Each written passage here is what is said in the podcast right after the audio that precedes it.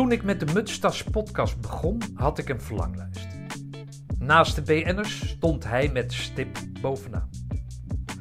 Tijdens mijn dienstplichtige verblijf in Roosendaal was hij PC van het toen oudste peloton van de 104 waarnemings- en verkenningscompagnie.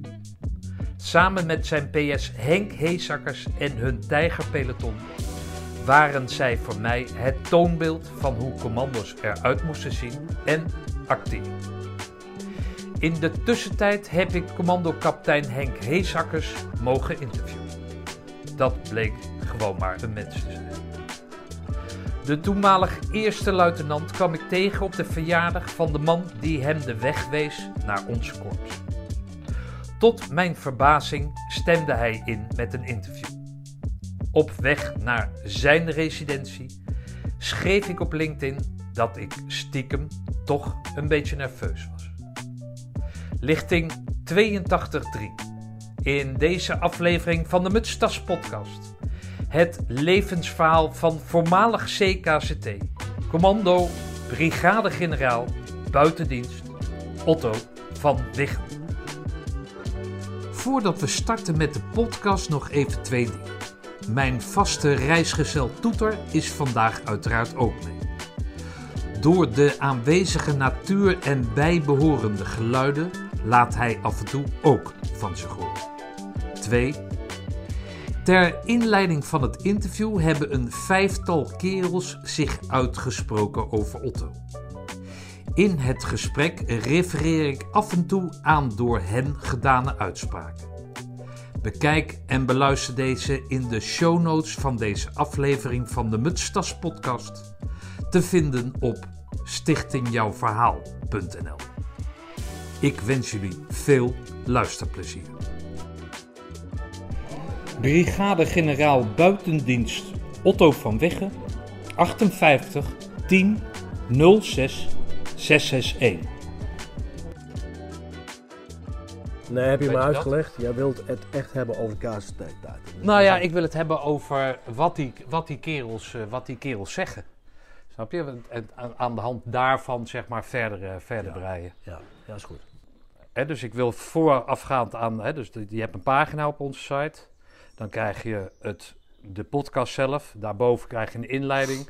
Maak nog een filmpje aan de hand van foto's die, die je hebt aangeleverd.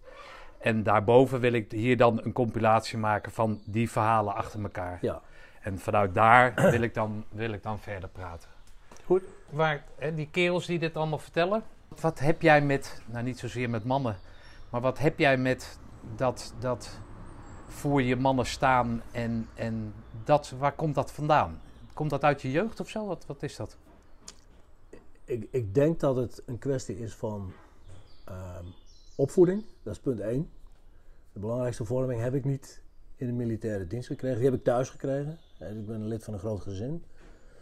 Maar ik denk dat ik in een hele vroeg, vroeg stadium in mijn carrière ook gezien heb hoe machtsmisbruik leidt tot vernedering. Tot, tot ook tot het toebrengen van eh, mentale en fysieke schade aan mensen. Ik denk, Als ik kijk terug naar de ontgroeningstijd op de KMA, maar ik kijk ook terug naar mijn eigen commandoopleiding, dan heb ik ook wel gezien dat, ehm, nou ja, als mensen een machtspositie ten opzichte van, eh, van een cursist in dit geval hebben, dat, dat kan wel eens helemaal verkeerd uitlopen. En ik heb daar wel de mening postgevat van dat gaat mij niet gebeuren op het moment dat ik het zelf voor het zeggen heb. Ik wil dat mensen gewoon op een menselijke manier behandeld worden. En dat wil niet zeggen dat het dan niet eh, fysiek zwaar eh, hoeft te zijn, dat is het nog steeds. Maar het moet wel met respect voor mensen zijn. En ik denk dat ik die eerste ervaringen uit, uit mijn prille carrière, ik was een jongen van 17 toen ik begon, die hebben toch wel indruk gemaakt. En die hebben mij wel ehm, de overtuiging gegeven van ehm, je moet er gewoon voor je mensen zijn. En je moet ze beschermen tegen, tegen dingen die jij niet wilt dat ook jou niet geschieden. Jij komt uit een gezin, groot gezin, zeg je. je. Je vertelde me in de auto dat je vier zussen hebt. Ja. Waar, waar, waar ben jij geplaatst qua leeftijd? Ik ben de ene oudste van het gezin. de ene oudste. Dus het is niet zozeer dat jij werd opgevoed door de Nee, rest. nee, dat niet. Jij Ja. was een van de leidende Ja. kinderen qua leeftijd in dat gezin. En als we het dan toch hebben over eh, respect en ook eh, respect voor je jongere zussen, nou, dat heb ik wel van huis uit meegekregen. als enige jongen? Nee, ik heb, ik heb nog een broer. Oh, je hebt ook nog een broer? jongste. Ja, die is de jongste. Maar ik heb wel meegekregen van ehm, vrouwen moet je sowieso beschermen. Eh, vrouwen, vrouwonvriendelijke of eh, seksistische opmerkingen, dat kwam in mijn hoofd echt niet op. Eh, zo ben ik ook niet opgevoed, dus ik begrijp dat ook niet. Eh, dus op die manier heb ik wel gevoel gekregen voor ja, misschien een wat ouderwetse opvatting over hoe je met vrouwen om moet gaan. Maar je moet ze vooral beschermen en je moet gewoon zorgen dat ze, dat er, dat ze niks aangedaan wordt. Dat is mij op de een of andere manier wel meegegeven. Maar heeft die oudere zus dan nog een bepaalde rol in, in dat proces gespeeld? Nee, niet zozeer. Eh, Geen terechtwijzingen, Otto, doe even nee, normaal. Of- Nee, dat niet. Nee, dat is veel nadrukkelijker dat ik vanuit mijn ouders op een bepaalde manier ben opgevoed. Hoe, hoe, je, daar, hoe je je daarin manifesteert. En dat was toch hoofdzakelijk van, ja, wat jij niet wil dat jou geschiet, doe dat ook een ander niet. Oké. En zo simpel is het gewoon. Maar als je als 17-jarige voor het leger kiest, dan, dan wat, wat, wat is dat dan?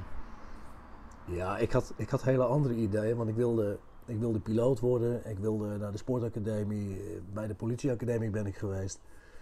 Nou, het voert te ver om eh, duidelijk te maken waarom dat het niet geworden is. En toen ben ik toch gaan kijken van ja, wacht even, kan ik niet naar de militaire academie? En ik heb daar toen uiteindelijk voor gekozen. Ehm, maar ik wist eigenlijk niet precies waar ik voor koos. Was dat je eigen keuze of werd dat ingegeven door je ouders? Nee, mijn vader, ik zie hem nog staan. Hij was melkboer. Die stond ik die kar in te pakken. Ik zeg, pa, ik eh, heb gesolliciteerd voor het leger.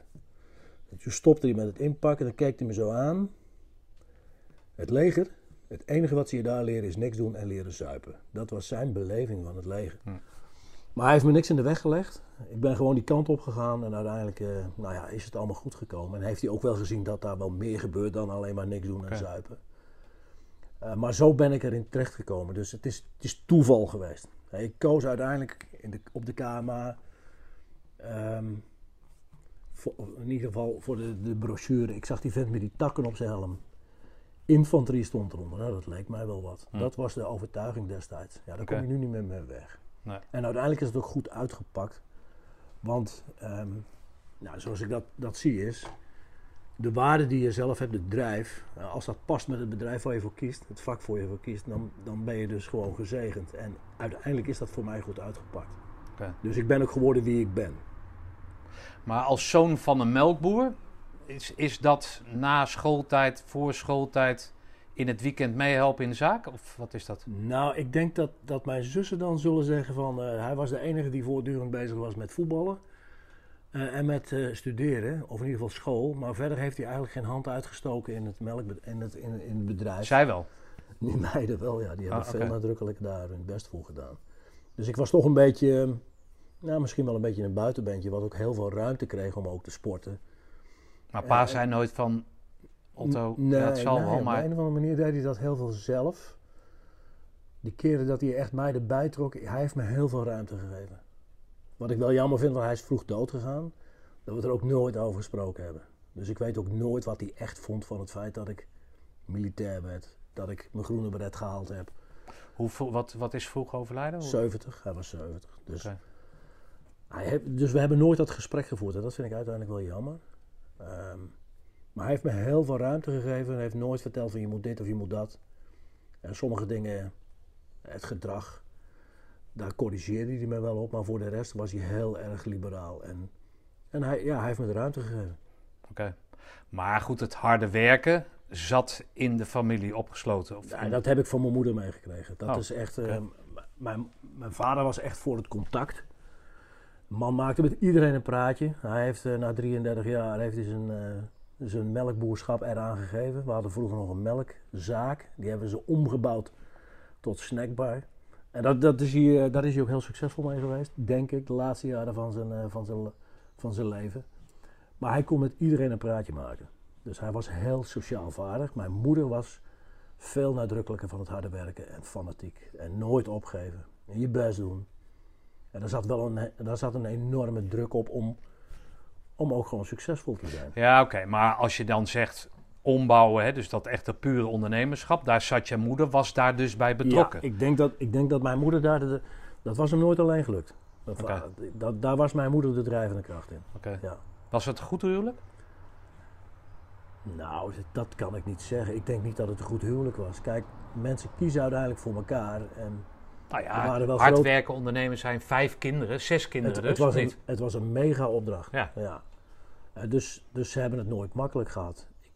Ik, denk niet dat het een goed huwelijk was. Nee, daar waren de, de verschillen te groot voor. En daar hebben ze ook te weinig van kunnen genieten.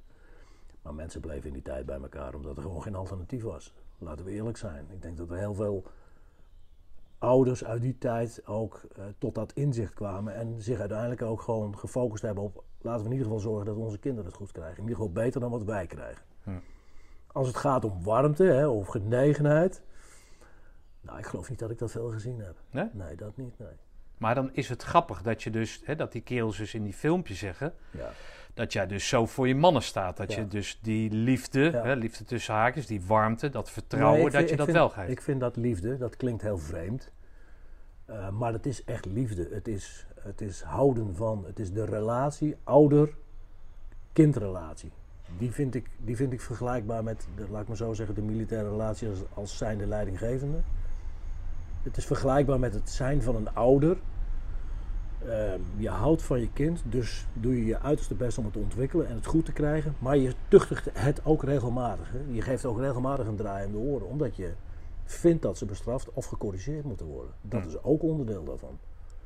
Maar de liefde die je voelt is van, ja, ik ben er wel voor jullie. En dat heb ik wel gevoeld in mijn militaire eh, loopbaan. Eh, ja, de mensen die, waar ik voor verantwoordelijk ben, die bescherm ik. Eh, Daar ben ik voor. En ik zal zorgen dat ze het goed hebben. Maar ik zal ook zorgen dat ze de resultaten moeten halen waar ze voor opgesteld zijn. Als jij zegt dat je vader op je zeventigste is, of op zijn zeventigste is overleden, heeft hij dan meegemaakt dat je KMA-officier werd? Hij heeft meegemaakt nog dat Oh, even, ik... dit, even dit loshouden, ja. Hij heeft meegemaakt dat ik eh, ook nog commandant KZT geworden ben. En eh, we spraken eigenlijk thuis nooit over militaire dienst. Ook niet wat ik allemaal aan het doen was. En, maar ik hoorde wel een keer van een collega melkboer, die had hem een keer uitgenodigd. Die had in Indië gezeten. Zei, "Joh, Piet, ga eens mee, want eh, dan gaan we naar zo'n eh, zo'n herdenking van 7 december in Schaarsberg. Dus ik ben mee geweest. En toen vroegen ze aan hem van, eh, maar wie ben jij dan? Ja, ik ben die en die. Oh, is, is, is dat er een van jou? En toen doelden ze op mij. En toen heeft hij dingen gehoord en daar werd hij, daar- ik denk dat hij daar heel trots van werd. Dus dat heb ik daarna indirect meegekregen. Heeft hij me nooit zelf verteld. En toen dacht ik van ja, dat, dat gesprek hadden we moeten voeren. ja. Maar dat had dus eigenlijk dan je moeder moeten zijn. Die dat dan Nou, als ik drijvende kracht achter dat gezin daar weet- dan verdieping in zou kunnen geven. Ja, maar ik had ook wel, ik had ook wel, kijk, voor mijn, ik weet nog dat mijn moeder was, ehm, heeft meegemaakt dat ik ook generaal werd. Dat, dat vond ze fantastisch. Mijn vader heeft dat niet meegemaakt. Maar ik denk dat hij überhaupt wel trots zou zijn op het feit wat ik bereikt heb in die tijd. En hoe er over mij gesproken werd. Ik denk dat hij daar trots op, op was. En ja, mijn moeder heeft uiteindelijk alleen maar datgene gezien aan de buitenkant. Ehm, ja, en ik denk dat iedere moeder daar trots op is. Op het moment dat ze ziet. Ja, maar ik kan me zo voorstellen, dat, dat, dat, daar komen we later wel op terug, maar dat artikel wat jij toen schreef, of schreef, eh, dat liet optekenen in de Volkskrant, hè, ja. waarin een bepaalde heisa ontstond in eh, Defensie Nederland. Dat als, als zij dat dan weet en ze komt dan in de Albert Heijn of weet ik veel, de plaatselijke en die krant, die, die, Ja. ze weet dat jij dan, hoe, hoe denk jij dat jouw moeder dat artikel Ja, leest dat, dan? dat heeft wel impact gehad, want dat heb ik later van mijn zussen gehoord. Eh, dus ik, mijn vader was net overleden. Ehm, ik was ook nog niet zo lang daarvoor gescheiden. En toen ging ik direct na dat Volkskrant interview ging ik op uitzending. Dus ik ben zes maanden in Joegoslavië geweest. Dus ik had er op een gegeven moment aan de lijn. En toen was ze serieus verontrust van, ja, maar gaat het allemaal wel goed nu? En raak je misschien je baan niet kwijt? En wat heeft dit voor gevolgen voor jou? Dus dat mens heeft zich echt serieus zorgen Ja. gemaakt over eh, de commotie. En uiteindelijk stond het natuurlijk breed in de krant. Rambo-kolonel wil Taliban te lijf of zoiets hebben ze er toen van gemaakt. Maar ook, het- ja, mooi. ja, so- soms gaat het zo, maar ja, dat doet natuurlijk wel met de achterban. Ja. Wat met de achterban. En ik had wel zoiets van, ja, dat mens zit nu alleen thuis en, en ziet dat. Dus Maar zij moet, omdat zij dus onderneemster is, Ja. van links tot rechts. Hè, laten we, ik weet niet hoe je vader, hoe heet je vader? Piet. Piet, laten we er nog één nemen of zo, hè, qua kinderen.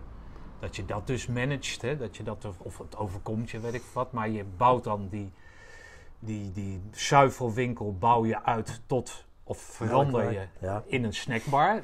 Dan, dan is dat natuurlijk anders. Hè, dat die wetenschap die jij dan hebt, hè, of die, die jij dan veroorzaakt, hè, dat je dus dat, dat die, die oproer uitroept, daarna naar Joegoslavië, is anders. Dat absorbeert zij natuurlijk anders als onderneemster dan dat zij bij wijze van spreken bij de ABN eh, had gewerkt. Ja. Gewoon in loondienst en 40 uur en daarna begint het leven. Zij is natuurlijk altijd, als ondernemer ben je altijd bezig, Ja, toch? zes en zeven dagen in de week Ja. bezig geweest. Ja. Dus dat zal zij ook vast bewonderd hebben. Hé, dat is een van mij. Die, die... Nou ja, maar de- ik denk niet? niet dat ze het bewonderd heeft. Ik denk toch dat ze het feit dat ze erover aangesproken werd, dat het toch eh, negatief over, dat, dat ze dat heel snel aantrok. Dus in die tijd was het ook. ehm, ik weet nog dat de eerste keer dat ik gescheiden was, nou, dat vond ze gewoon verschrikkelijk. De, de, de schande van het feit dat je gescheiden was. Ja, dat snap ik. Dat, Maar dat vonden die mensen in die tijd. Ja. Dus hoe werd er over je gesproken? Dat, ik denk dat dat voor onze generatie ouders heel belangrijk was. Hm. Dus het was niet zozeer van ik ben trots op hem. Nee. Ja, wat is er nu gebeurd? En was dat nou verstandig? En, ehm, Was dat verstandig? meer- Of het verstandig was. Ik weet nog goed dat het interview eh, gehouden werd. Nee, niet dat, maar dat je ging scheiden. Nou, het is onvermijdelijk. Eh, je- ik ben er ook niet trots op. Ehm, maar Maar was dat toen verstandig voor alle partijen? ik denk het wel, ja. Oké. Ja, dat denk ik Ja? wel. Oké, en lag dat aan jou? Het ligt aan twee mensen. Uiteindelijk is er altijd wel iemand die de katalysator is dat het uit de hand loopt. Of dat het uiteindelijk ook leidt tot een scheiding. Ehm, was het verstandig? Joh, ik ben nu bijna 20 jaar getrouwd met Patrice. Ik ben, eh, ik ben heel gelukkig dat het gebeurd is. Eh, maar de, Maar de hoe, route hoe, daar hoe weerhoudt zich dat dan tot dat je altijd zuinig moet zijn op vrouwen, dat je ze moet beschermen? Hoe, hoe, Ja, dat hoe- is het- Hoe dat- is dat dan? Dat is, dat is de tegenstelling in zich. Kijk, je moet wel goed zijn voor, voor, voor, eh, voor vrouwen en, en je, moet ze wel, eh, je moet ze wel met respect behandelen. Maar ja, het er tot aan de dood mee leven, dan moet ook een bepaalde vorm van liefde en genegenheid zijn. En als dat er toch op de een of andere manier niet is, of je hebt daar andere ideeën over naar elkaar, dan kun je beter uit elkaar gaan. Ook dat is een vorm van eh, zorgvuldigheid. dat je dat uiteindelijk ook gewoon doet en dat je dan ook je verantwoordelijkheid pakt. Hm. Want als gescheiden man in Nederland is het ook niet allemaal. eh, het is niet allemaal makkelijk, hè? En dus ik vind het ook wel terecht dat je daar een bepaalde verantwoordelijkheid voor draagt. Nou, die heb ik ook gewoon genomen. Waar gewerkt wordt, vallen, etc. Desalniettemin kan je maar beter de opnameknop aan hebben staan. Hierna volgt een resume van hetgeen Otto met ons wilde delen tijdens mijn tijdelijke blackout. Na de KMA wilde Otto niks liever dan naar het korps. Dit werd hem echter niet gegund en twee anderen werden naar Roosendaal afgevaardigd. Toen één van hen afviel, men de tweede luitenant van Wiggen. Verbolgen over het hem aangedane onrecht, stak hij figuurlijk zijn middelvinger. Door bemiddeling van Theo Alsemgeest vond hij zijn plek als pelotonscommandant binnen de Alpha-compie van het bataljon Stoottroep. Theo wist hem daarna te overtuigen om in een later stadium te opteren voor het KCT. In 1982 betrad Otto de appelplaats van de Engelbrecht van Nassau-kazerne. De appelplaats die nu zijn naam draagt. Dus, dus ehm, ja. Maar goed, je moet wel een beetje geluk hebben. Ik hoef jou niet te vertellen, je kunt zo een blessure oplopen in de commandoopleiding. En ja, als je dan als beroeps, hè, ik was de enige beroeps in de commandoopleiding, als je dan uitvalt, ja, dat is, dat, ja, dat is best nog wel een extra kras op de lak. Nou, dat is niet gebeurd. Nee. Dus in dat opzicht heb ik ook wel geluk gehad. Oké. Ongeluk zit in een klein, eh, in een, in een klein Ja. hoekje. Ja, ik had hem dus vergeten aan te zetten. Maar goed, dat vul ik dan even in. Omdat die klotenwekker altijd gaat om kwart voor twaalf op een of andere manier. die krijg ik er nooit uit. Maar goed, dus dan ga jij naar, eh, hè, dus je, je, je, je laat je de weg wijzen. Je steekt je vi- middelvinger op. Nou, Theo die weet jou gerust te stellen in de zin van, nou probeer het nog een keer. Je bent natuurlijk een jonge vent, toch? Ja. En je bent beroeps, hè? je bent geen dienstplichtige die Nee, dan... maar je bent ook, je bent ook, eh, je bent ook coachbaar en je bent ook begeleidbaar. Hè? Wat ik, Nou, wat als ik je net- middelvinger opsteekt, ben je op dat moment kwaad en wellicht niet coachbaar. Dat kan natuurlijk ook, hè? Nee, maar dat is de eerste reactie. Dus, dus dat heb, heb ik zelf ook wel geleerd. Eh, je moet wel begrijpen en ook eh, ja, onder ogen zien dat iemand teleurgesteld is. Dat zijn initiële reactie niet, eh, niet positief is. Maar dan komt het erop aan om te overtuigen van. En heel veel mensen zijn daar echt wel gevoelig voor. Als je op zo'n KMA, naar, naar zo'n KMA gaat op 17-jarige leeftijd, je bent net uit de luizen om het zo maar te zeggen, ga je daar dan heen om eh, generaal te worden? Nee, nee. Nee, dat, dat, dat heeft überhaupt nooit bij mij gespeeld. Ik vond het spelletje leuk. De, de, de activiteit, het samen dingen doen, het ook, ehm, maar het ook het avontuurlijke. Want zit toch een- Toet! We zijn aan het opnemen, gek. ja, Toet vindt er wat van wat ik nu vindt er zeg, wat maar van. het is Nee, dat, dat, dat, dat, dat, want dat heb je daarvoor natuurlijk nooit Nee, gehad. maar- Je bent de tweede uit een meisjesgezin. Ik ben daar nooit mee bezig geweest. Die, die, die, die, dat doorgroeien in de rangen, dat Hey! volslagen bijzaak. Het was gewoon samen dingen doen in teamverband. Met een avontuurlijke inslag. Eh, en ik moet ook zeggen, ik heb vanaf het begin af aan heb ik daarvan genoten. Ook met name de samenwerking met, met leeftijdsgenoten. Dus ik, ik ben ook wel een groepsdier. Dat, dat, daar kom je dan op dat moment wel achter. Oké. Dus daar krijg ik wel heel veel energie van. En ik vond het ook gewoon fijn om in een groep te werken. Oké. Maar hoe bevalt dat op zo'n KMA als je uit zo'n meisjesgezin komt? Hoe, hoe- wat, Nou, ik heb niet het gevoel dat ik, dat, dat op de een of andere manier dat dat, dat, dat een rol gespeeld heeft. Nee. Er waren wel meer eh, collega's die uit grotere gezinnen kwamen. Ik en heb de oorlog? Wat, wat is de invloed van de, waarvoor je in principe als soldaat wordt opgeleid? Niet. Nee. Het zaten midden in de Koude Oorlog toen. Nee, helemaal. Ja. Nou, daar ben je dan ook niet echt mee bezig. Eh, Er is natuurlijk een vijandbeeld.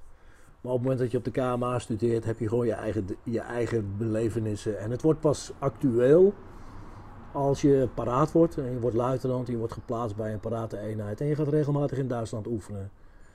Eh, en daar vinden ook de operationele verkenningen nog plaats. Hè. Dat hadden we toen ook nog. We hadden een Warschau-pact. We hadden een collectieve verdediging aan de grens. Niet zo heel ver voorbij eh, Hamburg en, eh, en Hannover. Als je daar dan bent en je ziet dat ijzeren gordijn, ja, dan gaat het echt wel leven. Maar hoe, hoe, kijk jij dan nu tegen bijvoorbeeld eh, een, een 17-jarige aan die bijvoorbeeld de VEVA heeft gedaan of, of naar de KMS wil of naar de KMA gaat? Hoe, hoe staat die kerel er nu in, of dat meisje er nu in, ten opzichte van toen, toen er gewoon dienstplicht was en toen het, toen het eigenlijk die oorlog niet zo speelde? Hoe, hoe snap ik wel een beetje wat ik bedoel? Ja, maar ik denk dat in essentie de huidige 17, 18-jarige, of het nou een meisje of een jongen is, dat maakt niet zoveel uit. Ook nog niet 100% precies weten wat ze willen. Ik denk dat hun beroepsbeeld en hun waar ze naartoe willen duidelijker is dan in mijn tijd. Hè. Ja. Ik gaf net even aan hè, wat mijn overtuiging was om, om naar de infanterie te gaan. Die vent met die takken op zijn helm Ja. in die brochure. Nou, ik denk dat de doorsnee jeugd iets meer weet van waar ze aan beginnen. Eh, dus, maar ze zijn net zo onbevangen als wij in onze tijd. Eh, de ellende- Denk je dat of weet je dat? Nee, ik denk dat het zo is. Oké. Ehm, dat weet ik natuurlijk niet. Eh, dat kunnen zij alleen zelf invullen. Maar hun uitdagingen en hun alternatieven en hun verleidingen en hun, wat ze nog meer kunnen doen, is zoveel breder dan Ja. in onze tijd. Ja, dat is niet normaal. En, en, en, en dat maakt het voor hen moeilijk. Dus je moet ze ook coachen daarin. Je moet ze daarin Ja. begeleiden. Ehm, maar je moet af en toe ook gewoon grenzen trekken. Ik, het is wel zo dat in onze tijd, als ik terugkijk naar mijn eigen tijd, opgeven was geen optie. Je wilde niet, je kon, kon je niet voorstellen dat je, bij wijze van spreken, dat ik weer terugging naar huis en mijn moeder onder mijn ogen moest komen van, eh, ik heb het niet gefixt. Of ik ben er maar mee gestopt, want ik vond het zo zwaar. Dat was gewoon geen, dat was gewoon geen issue. Nee, maar dat heeft zo... Ja. En nu, tegenwoordig, kunnen. Jeugd kan veel eerder afhaken. Als het ze even niet bevalt. Maar in essentie heeft de jeugd dezelfde potentie aan boord die wij ook hadden, ben ik van overtuigd. Hm. Ja, je, moet, je moet ze daar alleen in. Je moet je best doen om ze daarin te begeleiden. En ik ben daar niet zo negatief over. Nee, maar toen was militair worden een, mijn inziens, je werd ambtenaar. Toch? Met Ja. relatief weinig gevaar. Als ik nu mijn zoon, hè, die zegt van joh, die is nou 21, heb ik ook wel eens het zou het leger niet. Hij zegt, maar het lijkt me geweldig om zo'n groene bret te veroveren. Hartstikke goed, maar ik, ga, ik, ga, ik wil graag verder Geen leven. Ik wil niet doen. dood.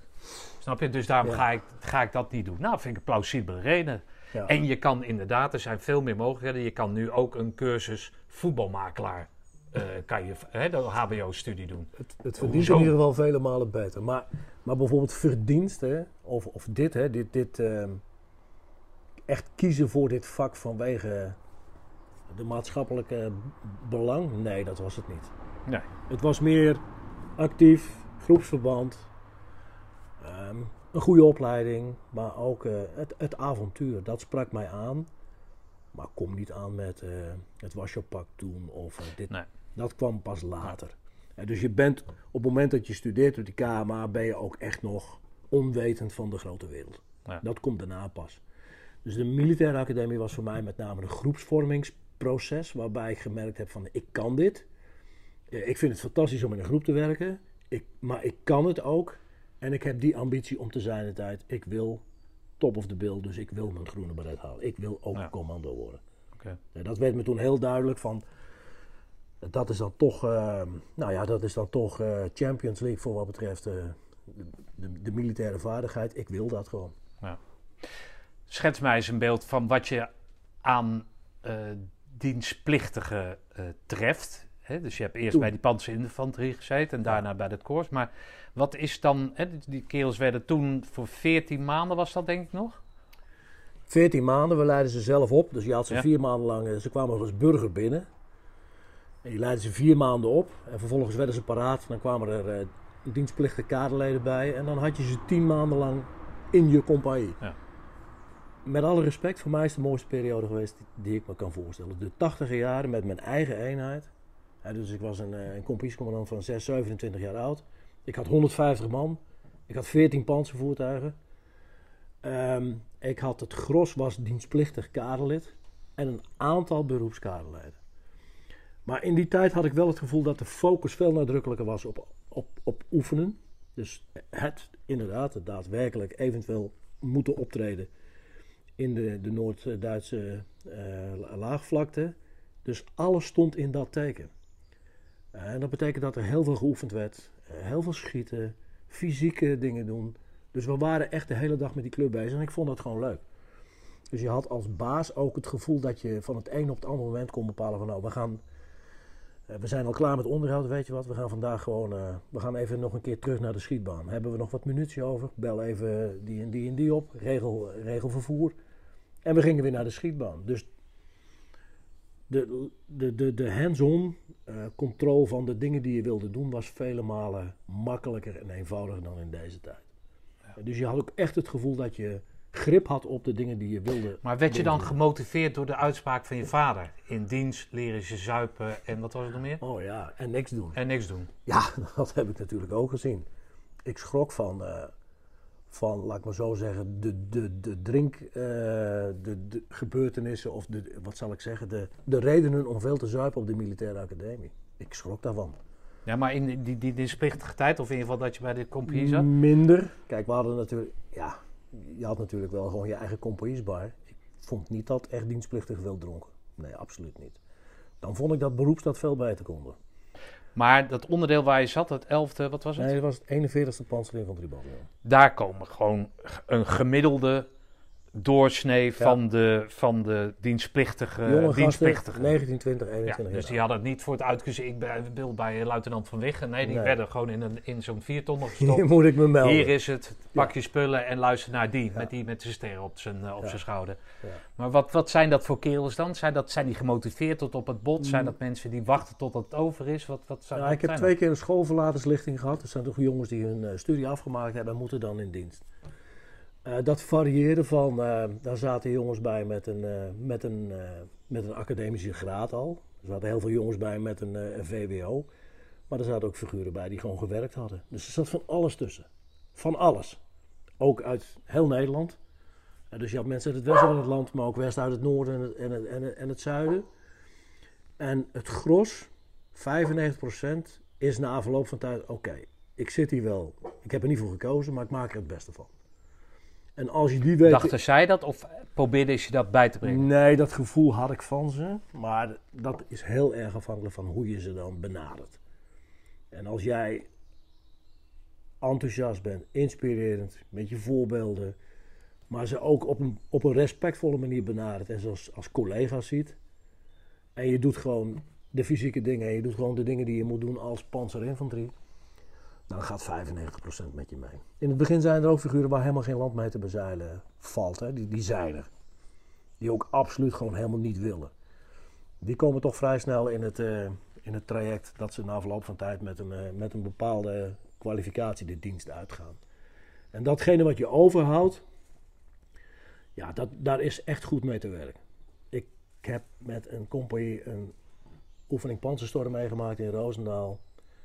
Niemand ziek thuis in het weekend erop. Iedereen was er gewoon weer. Uh, als ik dan ook zie wat ze kunnen, fysiek. Uh, dus de fysieke eisen. Nou, dat, dat, ik durf moeiteloos te stellen dat zij dezelfde eisen aankonden die wij nu ook vragen van de beroeps. Dus ik kijk daar ook heel. Ik kijk daar ook uh, met genoeg op terug. Maar je moest wel voortdurend dingen uitleggen. En dienstplichten hadden ook altijd wel een weerwoord. En dienstplichten zochten ook wel vaak de grens op. Vind je dat leuk? Nee. Ja, tot op zekere hoogte. Ik, ik vind mondigheid wel fijn, maar het moet wel zo zijn van, uh, we, gaan niet de, de uh, we gaan niet de opdracht ter discussie stellen, lui. We gaan wel gewoon fixen en we gaan wel datgene doen wat er van ons gevraagd wordt. En dat er af en toe gekankerd wordt en, gezeur, en, ge, en gezeurd tegen dienstplichtige kaderleden, of dat hoort erbij. Ja, dus dan moet je ja, maar als jij zegt dat je wel dingen moet uit kunnen leggen. Vind je dan ook dat zo'n dienstplichtige, als hij het kon uitleggen, dat je daarnaar luisterde? Ja. Nou, nou denk ik niet dat wij heel veel ruimte gaan van die dienstplichtige in die tijd om, ze, nou, om het zijn. uit te leggen. nee, ja. maar dat heb je zelf ook niet meegemaakt. Um, maar uh, laat, laat ik zo zeggen, als je, als je zag dat ze meer konden dan alleen maar gewoon doen wat er gezegd werd, dan, dan kregen ze die ruimte echt wel. Hm. Ja. Maar wij zijn pas echt begonnen met eigenaarschap en intrinsieke motivatie toen we met beroepswet begonnen zijn in 93, 94. Dienstplicht zegt het al. Hè? Ik bedoel, uh, het betekent gewoon dat je tegen je wil uiteindelijk iets ja, moet doen plicht. waar je ja. niet voor gekozen hebt. Ja.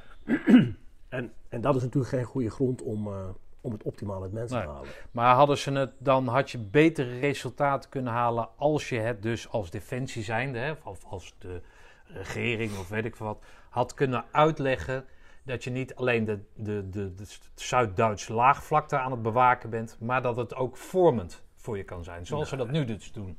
Je rugzak vullen, weet ik wat. Nee, dan- dat, die dingen die ik tegenwoordig inderdaad hoor, hè, hoe goed dienstplicht was. Nee, dat, zo werd er echt in de tachtig jaren niet gesproken over dienstplicht. was echt een plicht dus. Ja, maar de- ik vond ook dat er best wel negatief over gedaan werd in de maatschappij. Ja. En vergis je niet, de maatschappij was anti-militaristisch Ja. in die tijd. Hè? Daar was echt heel weinig respect ook voor het vak, voor de militair. Ja. Dat is pas gekomen na de eerste vredesmissies en, eh, en toen eh, Nederland ook gezien heeft wat, wat militairen in het buitenland deden. Maar in de tachtig jaren was die, was die waardering er niet. Nee. Niet dat het mij enige vorm beïnvloed heeft. Nee, tuurlijk, want, maar jij bent Want je bent met je eigen, met je, je bent met je eigen toko bezig. Ja. En ik had niet echt het gevoel dat mijn arbeidssatisfactie afhankelijk was van wat eh, de buurman in de straat ervan vond. Nee. Dat interesseerde me eigenlijk helemaal niets. Nee. Maar goed, dan kom jij dus in Roosendaal, hè, na, na wat omzwervingen. Wat tref je daar dan aan, aan, aan dienstplichtigen? Want die leid jij dan op, hè? Want je bent daar tweede luitenant, kom je daar Ja, aan? nee, ik, ik, ik, ik mocht de eerste acht weken mocht ik, eh, mocht ik meedoen, maar ik mocht ze nog niet eens. En dus ik was ook voorzien om cursist te worden. Ja. Dus ik heb dezelfde acht weken vooropleiding meegemaakt als mijn dienstplichtige collega's. Maar je deed geen kaartkompas? Nee, Oh, sterker nog, nou, ik, moest, ik moest de inhoud meedoen. Maar bijvoorbeeld de club afmarcheren, nou, dat gebeurde niet. Oh, niet? Nee, oh, dat deden dat deed de Oh, ik heb wel eens gehoord dat, dat, dat beroep, Nee. zeg maar, die daarbij, dat, Nee, dat die ik dan moest taken gewoon, eh, overnamen van, de, van het instructieteam. Nee, nee, nee. Ik, ik was gewoon ehm, ik was cursist, ik was wel kaderlid. Hè? Ja. En vergis je niet, dat weet jij ook wel, als kaderlid cursist draai je een ander tentenkamp dan als je Ja. soldaat bent. Wat makkelijker toch is dat? Nou, als kaderlid juist niet. Oh. Eerder je best uit en later erin. En we hadden ook een aparte kadertent, dat weet Ja. je toch ook wel? Ja, dat weet ik toch wel. Daar hoefde de telefoon maar Maar waar, sliepen te jullie, waar sliepen jullie dan in de vooropleiding? Uh, toen had je nog, je, je sliep niet bij de, bij de soldaat. Je had toch, eh er was een onderofficiershotel en er was een officiershotel. Dus Ja, oké. dus je sliep in de Dus je sliep met, eh, je sliep met eh, twee collega-officieren op een kamer. Oké. Hè, dus je werd op dat moment in die vooropleiding ook nog een beetje met rust gelaten. Maar ook niet meer dan dat. En je wist ook van ja, het begint pas echt in de, in de commandoopleiding. Oké. En op dat moment ben je luitenant-cursist, maar je bent gewoon cursist. En ja, met, als- met alle respect, maar als kaderlid moet jij gewoon voortdurend het voorbeeld geven. Ja. Dus ook als de club fysiek en mentaal aan de grond zit, wordt er van jou activiteit en proactiviteit gevraagd. Ja. En je bent ook verantwoordelijk voor, nou ja, dat weet je ook wel, voor het corvée en Ja. op tijd dit. En, maar je, je krijgt ook rollen in de, in de opleiding als er eh, opdrachten uitgevoerd moeten worden. Dus je bent altijd verantwoordelijk voor, als je met een ploeg op pad gaat, dat je op tijd onder de grond zit. Maar zit er dan nog een verschil tussen de beroeps- en de eh dienstplichtig kader?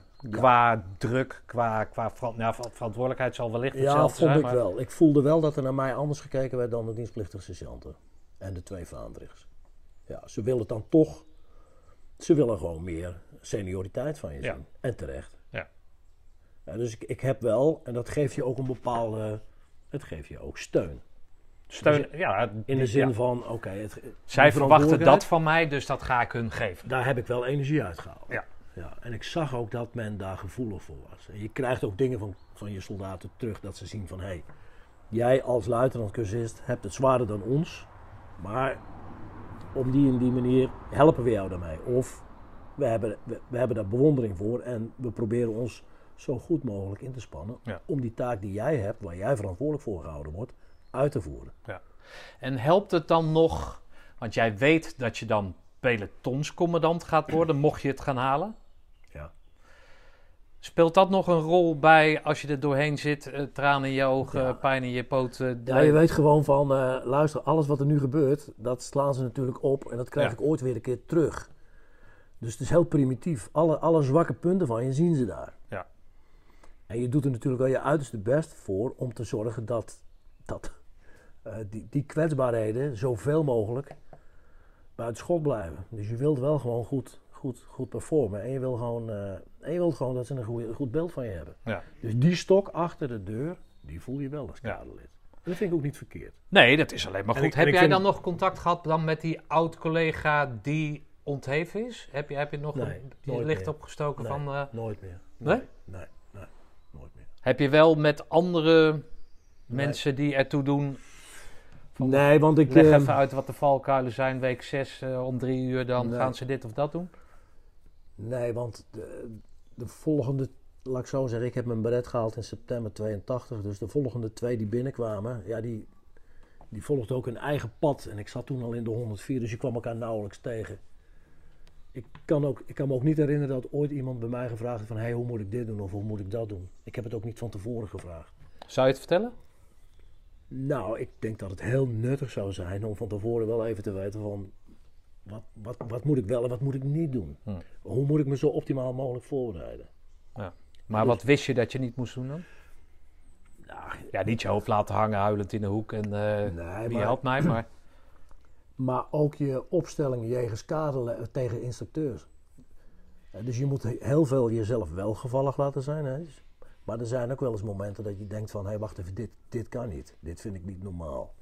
Dus wanneer... Wanneer, wanneer, heb, je, eh, wanneer heb jij als cursist weerwoord naar jouw instructeur?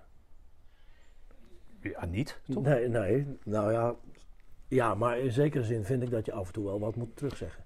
Als, als officier Ja. zou ik me kunnen voorstellen, met, hè, aan de hand van de filmpjes die jij eh, Ja. eh, gezien hebt van die jongens, kan ik me voorstellen dat je, dat je in een bepaalde situatie, ook al ben je cursist, wel Dit kan niet. iets kan laten Ja. gelden van jongens, nou ik ga het doen, maar ik ben het er niet mee eens. Nee, maar je moet dat wel weten, hè? want voordat je het weet word je, word je als een wijsneus en als een dwarsligger gezien. Ja.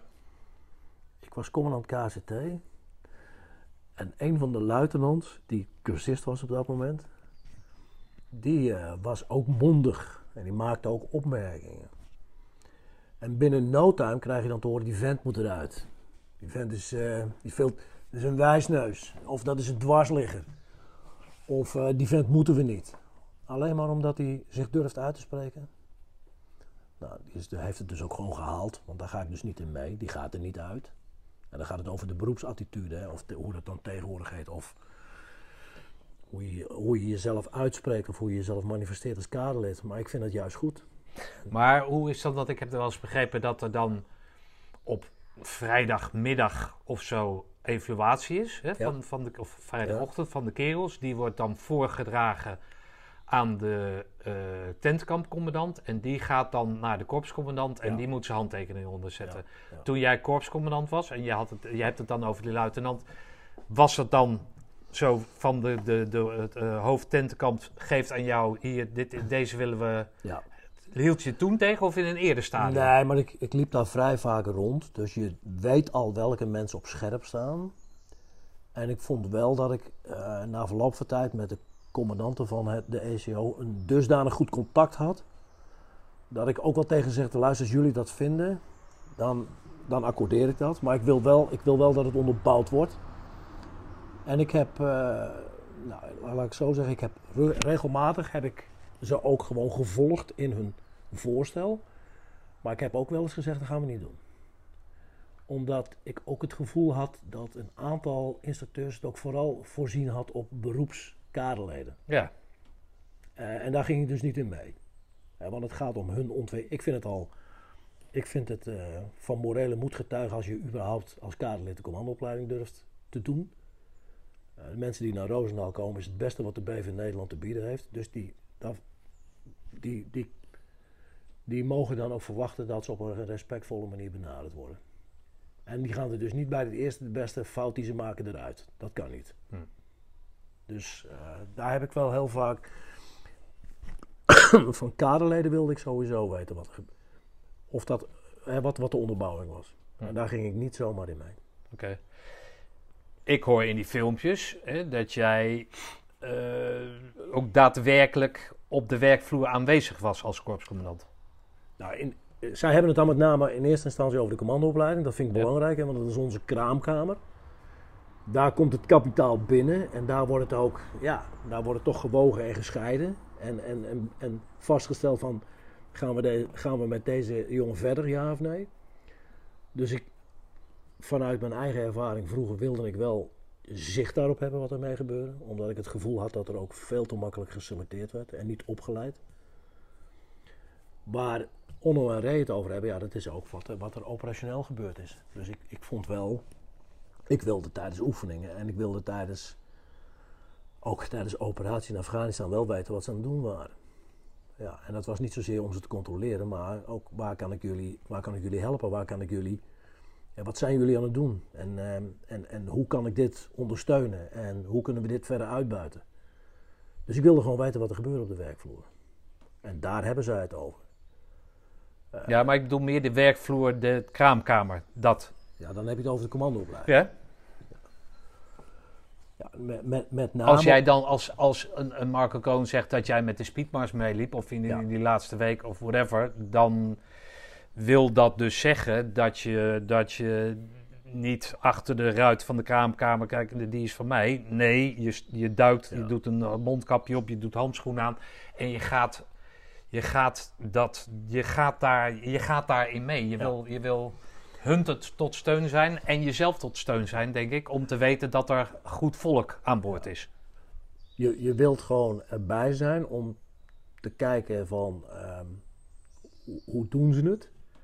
Maar ik wil ook voorkomen dat er wildgroei plaatsvindt doordat er heel makkelijk dingen... Dat de mensen heel snel eruit geselecteerd worden. Nou, waar Marco het over heeft, dat kan ik me nog herinneren. Toen liepen we in een, eh, in een, eh, een, een, een koud jaargetijde eh, door een slotenmars heen. En uiteindelijk moet die, moest die club onder zo'n duiker door. Dus iedereen was echt zeiknat. Dat gold ook voor mezelf. Alleen ja, ik had de avond ervoor, of de, de, de nacht daarvoor nog goed geslapen en ik had goed gegeten. En zij waren al behoorlijk geconditioneerd. En uiteindelijk raakte daar ook iemand halverwege onderkoeld. Daar heeft hij het over. En dan zie ik dat wel, maar dan zie ik dat de instructeurs dat op de een of andere manier onderschatten. En, en op die momenten dan heb ik wel zoiets van, ja, ik geef jullie de ruimte en de vrijheid om, om, om, om, deze, om deze cursisten op te voeden, maar gebeurt het wel op een verantwoorde manier. En in dit geval was dat niet zo. Dus dit was puur ter controle. Maar ik wilde ook gewoon weten wie de kerels waren. want, want uiteindelijk uh, stonden zij op het punt om een groene beret te krijgen en komen zij binnen binnen jouw KCT. En dan wil je ook weten wie wie is. Waar kom je vandaan? En wat, uh, wat was je reden om dit te doen? En, hm. dat soort, dat als jij als officier binnenkomt bij dat korps, wat, dan, hè, ik weet van de onderofficieren dat als zij de mes inkwamen, nou, dan moest je vooral, ja, je mocht wel wat bestellen, maar dan moest je ook iedereen uh, met de groene beret ook een biertje geven. Maar dan moest je zeg maar naar, naar, naar de, uithoek om als, als ja. blanco beret. hoe, hoe is dat bij officieren? Mocht jij in de, de, eerste twee weken, eerste vier weken, mocht jij, nee, eerste twee weken, mocht, jij... Ik mocht wel in, de, de officiersmes komen, maar ik moest wel een, aan een apart tafeltje eten. eten? Ja. Oké. Ja, maar goed, je, je hebt ook nog niet zoveel brani op dat moment. Hè. Je hebt zoiets van, ja... Nou ja, je hebt je hebt vinger opgestoken, je middelvinger Wel, maar dat betekent wel, ik ben de jongste bediende, dus ik moet ook niet gelijk, uh, ik moet ook niet gelijk uh, de pretenties hebben dat ik hier uh, eerst maar eens even laten zien. Dus je bent ook gewoon op je hoede die eerste acht weken. Ja, maar er zullen toch wel wat meer KMA-achtige types rondlopen? Nee, ik was de enige beroeps. En er waren natuurlijk een aantal vaandrigs met wie ik in de opleiding ging. En er waren ook een aantal officieren die kwam ik tegen. Die hadden hun groene beret al. En daar heb je dan wel contact mee. Maar je weet dat het tijdelijk is. Ze gaan pas echt in investeren als je het gehaald hebt. En dat vind je ook prima. Investeren qua menselijke relatie bedoel je? Qua, ja. ja. Dus die beginperiode weet je ook gewoon. Ja. Maar je wordt niet afgezeken, je wordt niet van jij haalt het niet. Dat gevoel had ik niet. Ah, nee, nee niet nee. nee. Oké. En dan in die commandoopleiding zelf? Die kerels die daar dan zijn, die heb je dus al twee weken meegemaakt of twee maanden meegemaakt als, als dienstplichtige en dan niet wetend gewoon uit de burgermaatschappij geplukt. Verschilt dat nou heel erg van die, van die, van die kerel die bij dat elfde zat als bij, dienstplichtige? Bij dat panzerinfanteriebond, nee. nee. Ze waren wel echt van, um, de dienstplichtige die naar Roosendaal kwam, wist wel van ik wil mijn groene beret halen. Maar in essentie maakt het niet zo heel veel uit. Hè. Ze zijn fysiek op dezelfde manier in staat tot datgene wat ook een dienstplichtige bij de panzerinfanterie is. Het gaat puur om de drive.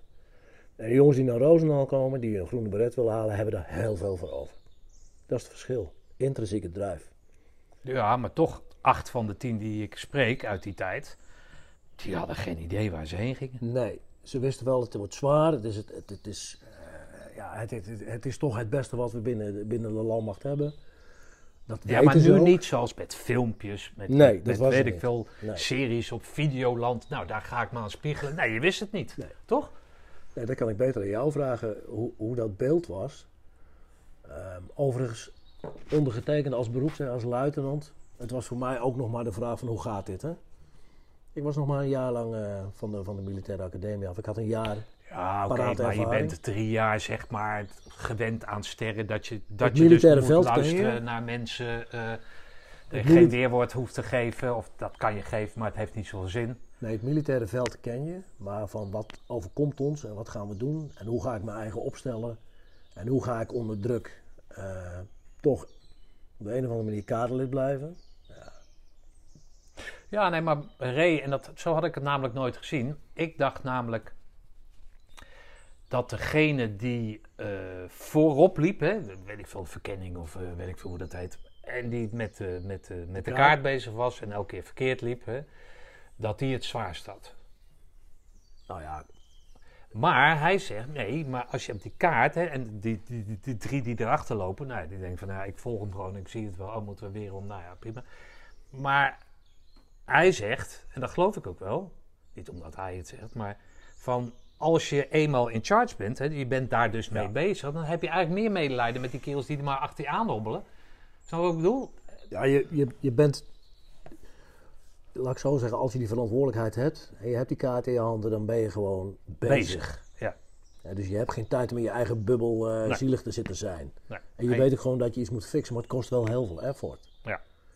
Dus ik zou het ook verschrikkelijk vinden om als derde of als vierde in zo'n groepje mee te moeten sjouwen. Dat, is, dat Ja. zou niks voor mij Maar zijn. wat merk je dan aan die motivatie van die kills die achter je aanloopt? Ik neem aan dat jij altijd de kaart eh, in je hand had. Of moest hebben. Nou ja, liever wel, want dan wist ik zeker dat het goed ging. Ja, ja, ben je er zo Ehm, in. Ja, ja want ik wil geen kilometer te veel lopen. Oké. maar, maar soms werd je dan ook verteld door, het, door de instructeur... nee, eh, de luitenant is nu gewoon nummer zoveel en die bemoeit zich er niet mee. Of de kaart ligt nu bij die. Nou, dan kun je hem nog steeds helpen. Maar ik denk dat het ehm, voor, voor die mannen die dus inderdaad zonder echte verantwoordelijkheid meeliepen... ja, die telden gewoon de uren af. Ja. ja Het dus wordt vanzelf vrijdagmiddag. het wordt vanzelf vrijdagmiddag. Ja. Ja. Leen vroeg op, mijn tentkampcommandant, die weet die eh ACO altijd redelijk goed te relativeren door te zeggen: het is acht keer één week. Ja, dat herken ik. Zo denk jij ook? Het Nou, kan het. altijd zwaarder. Zo was het toen. Nou, nu Ehm, toch ook nog? Ja, Je maar hebt een goed, weekend vrij, toch? je, je weet hè, het is, in principe is het vrijdagmiddag afgelopen. Tot, totdat je op een gegeven moment besluit om het vrijdagmiddag nog even door te trekken. Tuurlijk. Dat hakt erin, hè? Ja. Maar wat Leen zegt, heeft hij wel gelijk in. En het is vaak van, eh, ja, op de zondag of op de donderdagnacht gaat het altijd door. Dus ben je altijd... eh, en als het helemaal vrijdagmorgen is, dan begin je toch langzaam maar zeker eh, naar de inspectie toe. Dus daar heeft hij wel gelijk in. Dus er, zit een opbouw in. En ook een begrenzing in de zin van, dan begint het en dan is het weer. En dan kunnen we weer recupereren en dan komt de volgende Ja. week. Dus daar heeft hij wel gelijk in. Maar denk je dat het dus. Heeft het zin om het dan niet op die manier te doen? Nou ja, goed. Dus dat je- het acht weken of tien weken, Nou, weet ik veel, zonder dat je weet dat, dat jij niet een- precies weet wat het programma is, Ja. dat, dat, dat, daar raak je echt wel van eh, in de stress. Hè? Ja. En dat weet je uit je eigen commandoopleiding ook. Wat hebben we vanavond weer? Of wat gebeurt er nu? Of heb je die instructeur gezien? Of ik heb net van de chauffeurs gehoord dat we Ja. vanavond daar of daarheen gaan. Dus die onzekerheid, dat is een stressor. Die maakt het de mentale belasting zwaarder. Dus ik denk ook dat je daar meer mee zou moeten werken. Als je dus echt wil kijken of iemand mentaal sterk is, of als je zijn, op dat vlak zijn veerkracht wilt, wilt verbeteren en, en doen inzien, dan moet je meer met onzekerheid werken. Onzekerheid is echt killing. Ja.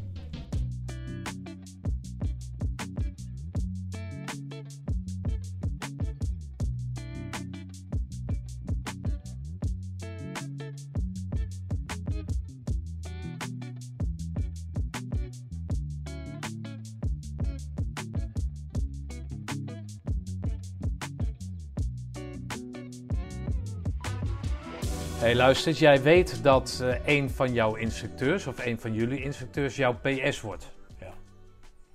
Ja. Ja, ik, ik, dat, dat was Henk, hè? dus ik, ik wist dat ook. En Ehm, Keesakkers? Ja. Ik heb ook wel het gevoel gehad dat hij speciaal naar mij keek. Eh, maar ik heb het niet als druk gevoeld. Heb zoiets van, ja luister, dit ben ik, meer kan ik niet doen. En ik was er ook niet echt mee bezig. Ik, er waren meerdere instructeurs waar we last van hadden.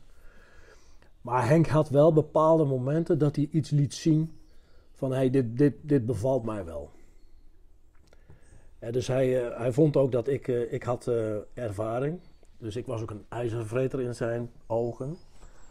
Dus wij zitten op de vaarschool en Henks geintje was, eh, we hebben hier een ijzervreter onder ons, een ervaren militair, dat is de cursist Wigge.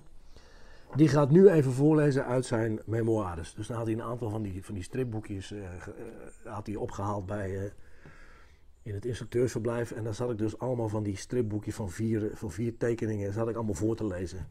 En dat vond hij fantastisch. Maar daarmee gaf hij ook aan Dat vond hij fantastisch. dat vond ik. En dus ik zit dat zo voor te lezen. De Donald Duck, zeg maar. Ja, ik zit Ja. eigenlijk de Donald Duck, de militaire Donald Duck voor te lezen. Ehm, en daarmee maakte hij wel duidelijk dat hij op een bepaalde manier toch wel eh, jou zag zitten. We hebben ook wel eens een keer ergens na dat we afgekrepen zijn met kaderleden. eh, stonden we uit te puffen.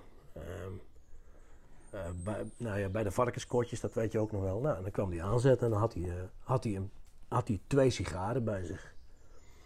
Eentje was er voor hem dan en de andere was voor de kaderleden. En die mochten die mochten we dan doorgeven aan elkaar. Op die manier maakte hij wel duidelijk dat hij het toch wel zag zitten. Maar ik heb hem ook wel eens horen vloeken en tieren. Nou, als dit GVD mijn pelotonscommandant moet worden, dan doe ik het GVD zelf wel. Nou, zo liep hij door het tentenkamp heen.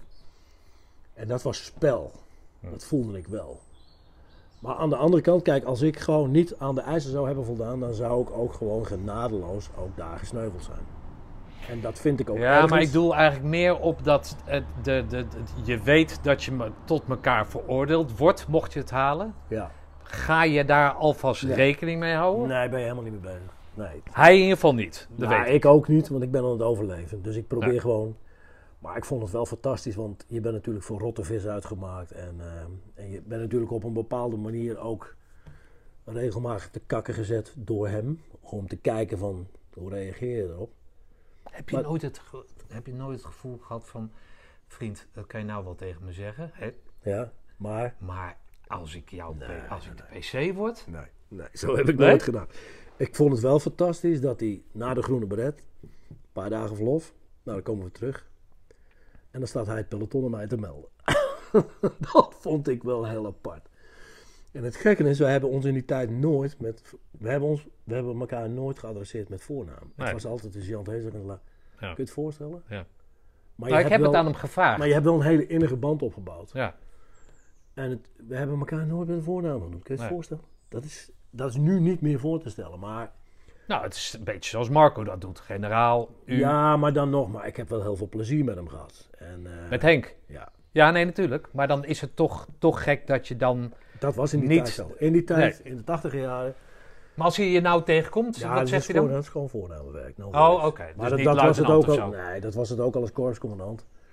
Ja, hij wist wel wanneer die kolonel moest zeggen. Maar, waren, maar op het moment dat wij onder vier ogen praten, dan is het gewoon. eh, dan, dan, zit daar geen enkele. Nee. nee, maar ik heb hem geïnterviewd en dat was een van de dingen die ik hem vroeg. En hij zei, nee, eh, gewoon luitenant. Dat, dat, ja, maar is goed, ook een respect voor jij hebt die functie en ik heb deze functie.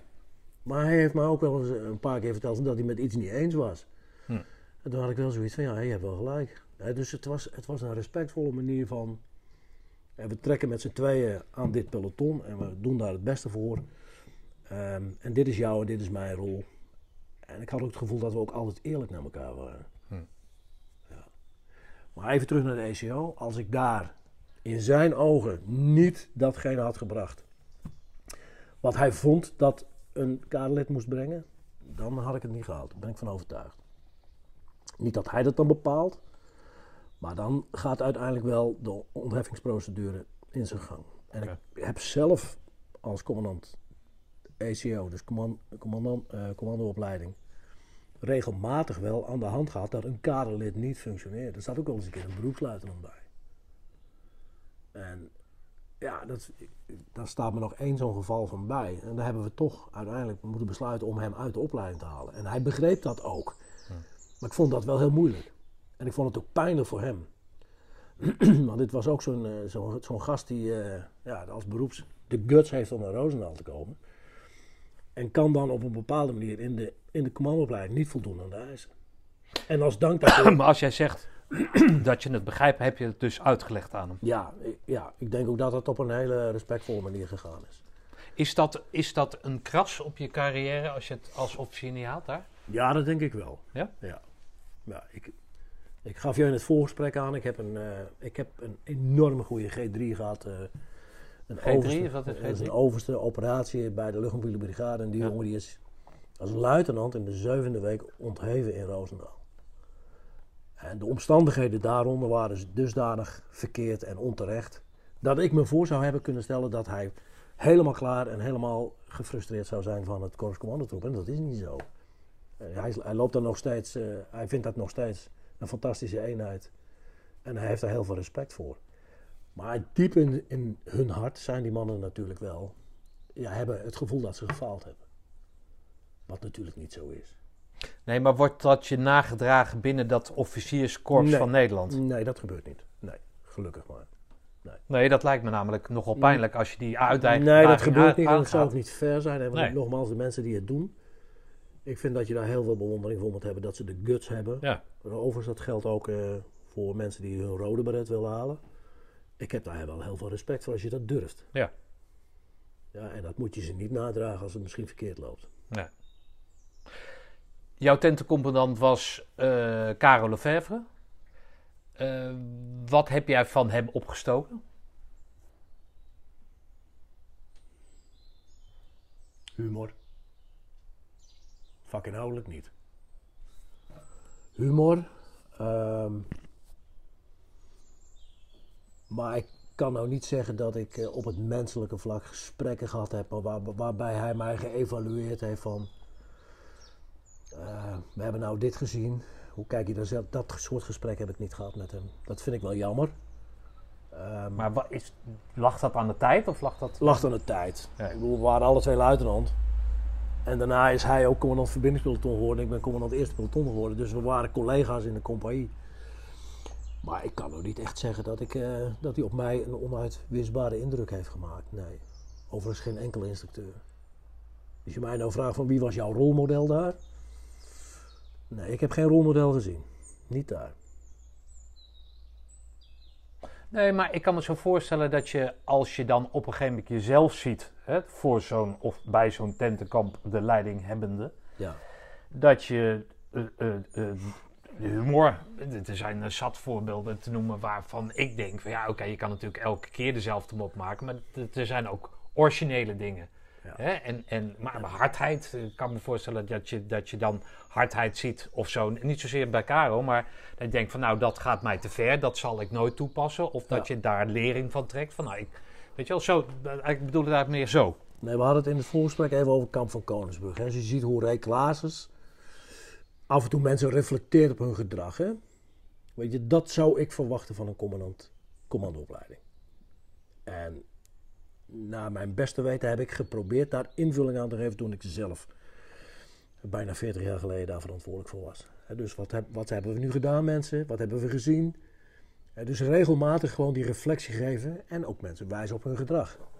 Maar ook, wat ik persoonlijk heel belangrijk vind, af en toe ook relativeren. Ja. En de menselijke maat.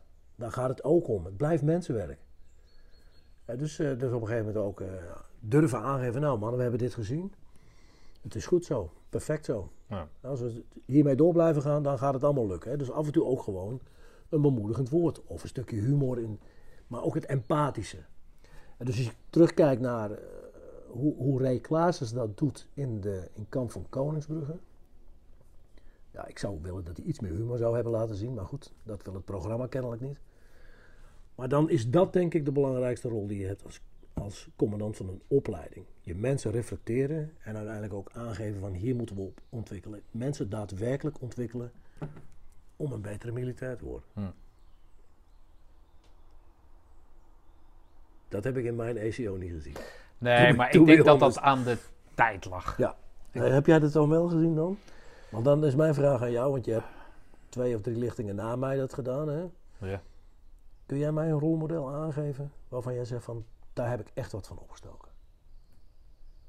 Het kan ook op het menselijke nou ja, vlak het zijn. Was, het was voor mij compleet nieuw. Ik heb niet bij de padvinderij gezeten. Nee. Ik was uh, eigenwijs. Ik luisterde, nou niet zozeer tegen alle winden in, maar ik was meer van leg mij eens uit waarom we linksaf moeten.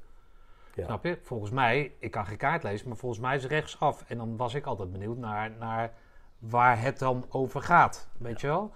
Kijk, als ik, uh, dat was voor mij, nou ja, dat, dat is voor mij, nou niet zozeer een eye-open, maar wij moesten in, in de laatste weken van, hè, werden we zo omgeschoold tot, uh, weet ik wel, dat je dan... Uh, voordat je, voordat, voordat je afzwaait. afzwaait, ja. moesten we zo'n speedmars lopen. En wij hadden dan, we moesten van die grote dingen meeseulen. En een van de leidinggevenden, laat ik het dan zo maar zeggen, die kon niet meer. Dus ik zei, geef mij dat ding maar. Weet je wel? En toen waren we bijna bij de kazerne. En toen voegt hij dat ding weer terug. Nee.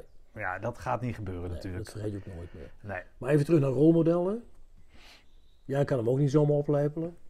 Want als ik nu even terugkijk naar mijn ECO, dan vond ik met name Jelle Schepers, als de sergeant-major, de oudste onderofficier. Die had die dempende factor. Die had die menselijkheid. Ja, maar dat zag ik toen nog niet. Heb je dat niet gezien? Nee, ik zag nog niet dat... Ik had meer, zeg maar... Nou, niet respect, maar ik was meer bang voor, zeg maar, de Aad Verheijs van deze wereld. Ja. Snap je? Die door de tijd heen steeds, je romantiseert steeds. eh, Op een gegeven moment wordt dat, dat wordt dan iemand die, nou ja. maar, je moet toch niet, maar je moet toch niet bang voor een instructeur zijn? Je moet je... Ja, maar je- ik was, je moet was helemaal ik? zo- 18. Nee, oké. Ja, ja. Nee, rolmodel, nee, helaas. Ehm, ik heb wel geprobeerd daar zelf wel invulling aan te geven. Eh, dat Binnen je ECO of daarna bedoel Daarna, je? als Ja, oké. Dat vond ik belangrijk. Ja. Maar ook als kompiescommandant. En ook in andere functies. Waar, waarbij je dus wel jezelf wat minder belangrijk vindt. En je, je veel meer richt op de ontwikkeling van de mensen waar je verantwoordelijk voor bent. Ja. Ja, want dat, is wel, dat, is, dat vind ik wel de rode draad voor mijn, voor mijn verhaal. Ehm, ja, je bent er niet voor jezelf. Het gaat er ook om, om de, om de eenheid waar je verantwoordelijk voor bent. Ja. Ja, nou ja, wat ik, wat ik wel mooi vind van die instructeurs. Hè, ik heb eh, bijvoorbeeld Joop Brouwer eh, geïnterviewd. Bonen op. Wonen Joop. Ja. En die eh, was 80, 90 uur in het veld. En eh, woensdagavond eh, sliep hij een uur thuis, nam, nam een slok melk en daarna ging hij weer. Want hij wilde zo graag bij de jongens zijn. Of niet zo graag, maar hij wilde bij ik de denk jongens dat zijn. hij ook een echte kameraad was. Ja, ik wilde bij de jongens zijn. Hij Ja, was te oud voor mij hebt- om... Ik heb Nee, maar je hebt drie kinderen thuis zitten, vier kinderen thuis zitten. Hoezo Ja. bij de jongens, weet je wel? Nee, en een hij- vrouw ook nog, hè? Nee, Joop Brouwer was al een adjudant in de nadagen van zijn carrière toen ik daar binnenkwam. Dus ik heb hem nooit meer als instructeur meegemaakt. Ja. Vind ik jammer. Want ik kon wel zien dat dit wel een vent was met hart voor... Ja, hart op de goede plek. Ja, absoluut. En dat heb je ook gevoeld. Ja. En, en zo zou er meer moeten zijn. Ja, Dat, het- zou, nee, dat zou de insteek moeten ja. zijn. maar aan de andere kant, hè, jij bent natuurlijk ook actief geweest in dat het ook over zaken ging als het thuisfront, Ja. toch? Ja. Is Joop Brouwer echt zo'n voorbeeld van die man zou je als man niet wensen, want die is altijd maar weg. Nee. Ja, toch? En je hebt drie of vier kinderen thuis zitten. Zijn dat je zonen of zijn dit je zonen? Ja. Snap je? Ja, dat, dat, dat is wel, daar hebben wel denk ik veel beroepsmilitairen ook wel in gezondigd. Door die balans te ver te Ja. laten doorslaan. Ik ben er ook zo een. Ja. ja. Ik heb die balans te ver door laten slaan in. Ja. Ja, dat is, ja, dat is de Ja, prijs. en nu zouden ze toch zeggen van, joh, maar luister, het gaat even niet goed met je gezin, dus ga jij Ja, maar het is nu waar je anders. dan ook bent. ja, Ja, het is nu maar. anders. Ja. Ja, dus ik kan me zo voorstellen dat je dan dat rolmodel in die tijd zullen dan mensen geweest moeten zijn die er altijd waren. En je niet alleen afkafferen, maar ook op de juiste momenten weten op, te een- beschermen. de menselijkheid. Ja. De- Maar daar, in die tijd had, had je natuurlijk ook gewoon, zoals je zelf zegt, ja, je wist wie de sergeant van dienst was die dag. Dus wist je dat, je, nou, dat er dingen konden gebeuren. Laat Oh, als die of die of die kwam aanzetten, dan wisten we alweer, oké, dit wordt weer, eh, het wordt weer dof ellende, het wordt weer looppassen, het wordt weer... Ja, we gaan weer... een, Opstaan, wakker worden, opstaan, wakker worden. Ja, dat. het, het wordt weer gewoon weer een hele zware nacht. Ja. Ja, dat wist hij ook. Ja, dus dat rolmodel. En ja, je was toch, wat ik me weet erin, bezig gewoon om die groene beret te halen. En op een gegeven moment, ja. Nou, ik vond het wel een goede wat eh, Leen eh, vroeg opgezegd heeft. Acht keer een week. Ja, Heeft hij wel gelijk ja. Ja. Want je zou het nog veel zwaarder maken. Maar heeft het dan veel zin om zwaarder te maken? Ja, dus de onzekerheid waarmee je mentale kracht toetst. Ik zou persoonlijk eh, die onzekerheid vaker willen laten zien in de opleiding. Wat minder nadruk op die, die fysieke afmatting. En die combinatie zoeken. Ja. Dat heb jij getracht te Nee, doen. nee, nee, die ruimte had ik niet, want het programma was zoals het is. Hè? Nee, maar als korpscommandant heb jij toch die 14... Nou, we hebben, Weken. we hebben geëxperimenteerd met een andere opzet van de commandoopleiding. En uiteindelijk zijn we toch weer terug naar acht weken. Dus laten we even eerlijk zijn, dan is dat dus gewoon niet succesvol gebleken. Eh, hè, dus we hebben nu echt een elementaire commandoopleiding nog steeds van acht weken. Maar er komt een voortgezette opleiding. Vergis je niet, hè, die is ook bijna een jaar. Ja, ja. En daar vragen wij ook heel veel van onze, onze mensen. Dan zijn ze al, baret, eh, dan zijn ze al groene baret dragend. Hè. Dan zijn ze dus al eh, commando, collega. En dan zijn we ze op een hoger niveau aan het tillen. Ja, en, en dat moet wel met beleid, vind ik. Dan moeten we niet blijven meten continu. We hebben wel de neiging in Roosendaal om voortdurend die meetlat naast iemand neer te leggen. Continu. Hm. En, en, een- en een mens kan niet continu die meetlat naast zich laten liggen. Die moet af en toe ook gewoon even niks doen. Of Ja. uitstaan. Hey, maar ik heb. O- eh, Ed Oskan heb ik eh, eh, geïnterviewd. Jouw commandant, tentkampcommandant toen de tijd met die 14... Ja, dat is de eerste keer dat ik, eh, dat ik binnenkwam. Toen was Ed was commandant ECO.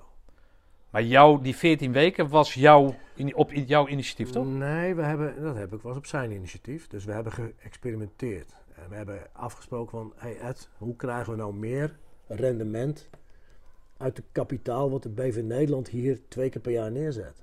Want ik wil het korps vullen. En ehm, hoe krijgen we nou meer rendement uit de kerels? En, en hij is met dat voorstel gekomen en daar hebben we nog eens een keer wat aan veranderd. En we hebben daarmee geëxperimenteerd. Maar uiteindelijk zijn we tot de conclusie gekomen, het moet toch weer zo. Hm. Ja. Dus, we- Maar jij geeft de klap erop, toch? Mm, Mensen kunnen voorstellen wat ze willen, maar jij Nou, geeft in als over- geeft in de overleg. erop? Ja, het is niet zo van ik bepaal dat. Ik heb echt geluisterd naar hun ideeën, maar ik heb ze wel aangegeven. Het moet leiden tot dit. Dus dit is de endstate. Ik wil dat er meer rendement uit die opleiding komt. Overigens, dat heb ik in Schaarsberg ook gedaan, met de Rode Beretopleiding. Daar was de afvalpercentage meer dan 50. En toen dacht ik, dat kan toch niet waar zijn, jongens? Dit, dit is het beste wat, eh, wat, wat, wat we in Nederland kunnen ophoesten. Da- Daar moet toch meer rendement uit te halen zijn?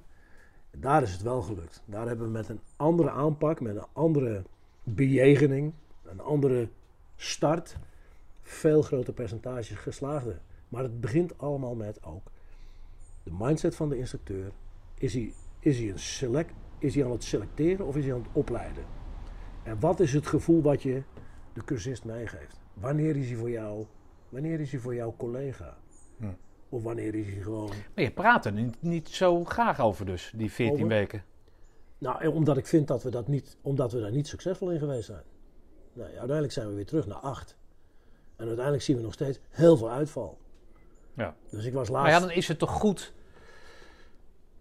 dat, dat het korps dat geprobeerd heeft? of Sterker nog, ik vind het korps is heel erg goed in innoveren Ja, en in experimenteren. ja. En Maar- dit valt dan onder het experimenteren. Ja, en wat... dat is niet succesvol geweest. Nee, nou ja, dat kan toch? Ja. Nee, en ik- sterker nog, ik ben er alleen maar trots op dat ik Ed de ruimte gegeven heb om dit Ja. uit te proberen. Ja. En, en zo moet Hij zei namelijk, hè, ja, op een gegeven moment, en eh, sorry, Ed, misschien chargeer ik het een beetje, maar, maar ja, kreeg ik een soort, weet je, wel, het gevoel van, oh, dan heb je die gozer die die opleiding verneukt. Ja, dat is de achterban die er wat Ja, van vindt. Maar dan moet je... Nee, dat, nee Op maar ik kan me wel daar voorstellen dat je dat dan, weet je wel, dat ja, je, je- je gaat heilige huisjes ga je in de fik Nee, steken. en dat zie je ook wel als je ziet wat Ed nog steeds aan het doen is nu. Nu hij Ja. al over de 70 is. Hij is altijd begaan met mensen en Ja. opleiden. Dus dat was hij toen ook al. Ja. Eh, en dat vind ik mooi, want uiteindelijk zoek je dat ook. Ehm, dat soort mensen, eh, en die, die kunnen ook, die kunnen ook je, nou ja, je, nieuwe, je, je recruten en je nieuwe leerlingen op een hoger niveau tillen. Door zich ook in de schoenen te willen verplaatsen van, wat maakt zo iemand nu door? En hoe krijg ik het dan voor elkaar? En dan is hij ook nu nog, als 70-plusser, is hij nog steeds creatief in de zin van... eh, en ook ontvankelijk voor andere zienswijzen. Absoluut, ja, absoluut. Maar waar de onzekerheid, hè, da- daar toets je mensen op mentaal op. Ja. Waar zat, wat voor een plek zat daar in die 14 weken? Was daar te weinig onzekerheid dan? Nou, er, er, waren wel, er waren wel mentale momenten. Maar goed, we hadden eerst een drieweekse, laat ik maar zo zeggen, ehm, initiële selectieperiode, drie weken. Daarna een wat rustige periode en dan zouden we langzaam maar zeker gaan opbouwen. Eh, maar dat opbouwen, ja, als dan nog steeds dat selecteren erin zit en die bejegening van die instructeur en de wijze waarop die cursisten zich bejegend voelen, niet wijzigt, dan wordt het niet een ACO van acht weken. Ja, dat wordt voor 14 Maar weken. voor 14 weken. Ja, ja, En, en dat, heeft ook, dat doet ook wat met een mens. ja. Hè? Zou dat nu met de benadering zoals nu, hè, dus wa- waar we het hadden van niet dat eindeloze gescheld en vernedering en ik weet het allemaal niet, maar dat extern motiveren, zou het nu meer een kans hebben? Ik denk ook dat ze het nu doen. Ja, maar er moet uiteindelijk wel ook gewoon resultaten gehaald worden. En Dus je moet wel onder die druk, dus ook onder die mentale druk, nog steeds je resultaten halen. Dus het eigenaarschap, hè, het zelfstandig dingen doen, hè, dus indachtig ook de omstandigheden operationeel, hè, want dan kunnen we ook niet continu over je schouders maken. Ik denk dat ze dat nu veel meer in de opleiding aan het doen zijn. Hm. En, de- en dat is in mijn beleving wel de route die we moeten gaan.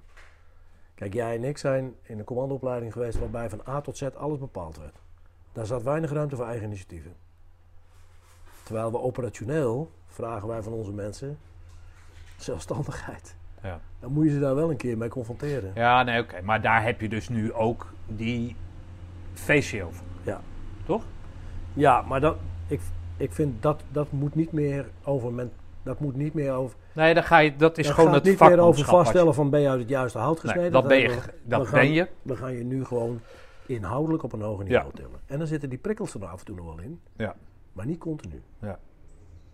Jij wordt op een gegeven moment, word jij, we gaan van de hak op de tak hoor, maar word jij eh, eh, commandant van luchtmobiel.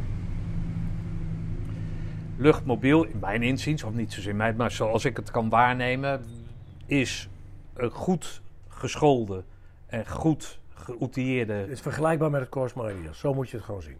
ja, oké, mariniers. Ja. Oké, en dat Ja. korps zet je daarboven. Ja. Maar het, ja, In die volgorde. Nee, dat, nee, dat we in de juiste podcast zitten. Dames en zeggen. Maar wat is het verschil tussen een kerel die een rooi, kerel vrouw die een rode beret wil halen en een groene beret? De laatste ECO volgens mij waren er heel veel spijkerboeken tussen zaten ertussen kennelijk. De laatste ECO was 21 man geslaagd. Daar was ik heel happy mee. Het verschil tussen rode beret en groene beret is dat over het algemeen jongens die een rode beret halen veel jonger zijn. Ehm, daar wordt dat eigenaarschap nog niet zo gevraagd. En dus die zelfstandigheid, dat gebeurt wel in de. En als je mensen vraagt die zowel de rode als de groene beret gehaald hebben, ja, in de ECO, de commandoopleiding, daar wordt er cognitief van mij als, als potentiële commando, special, eh, als, als eh, operator, veel meer gevraagd dan wat ik bij luchtmobiel heb moeten zien. Daar was het toch primair fysiek en mentaal. De- die combinatie, daar waar het in Roosendaal heel erg over het cognitieve gaat. Het onder die druk ook gewoon de goede dingen blijven doen. Dat is het verschil. En dat betekent ook dat de gemiddelde leeftijd van een commando in, in opleiding is over het algemeen wat ho- hoger.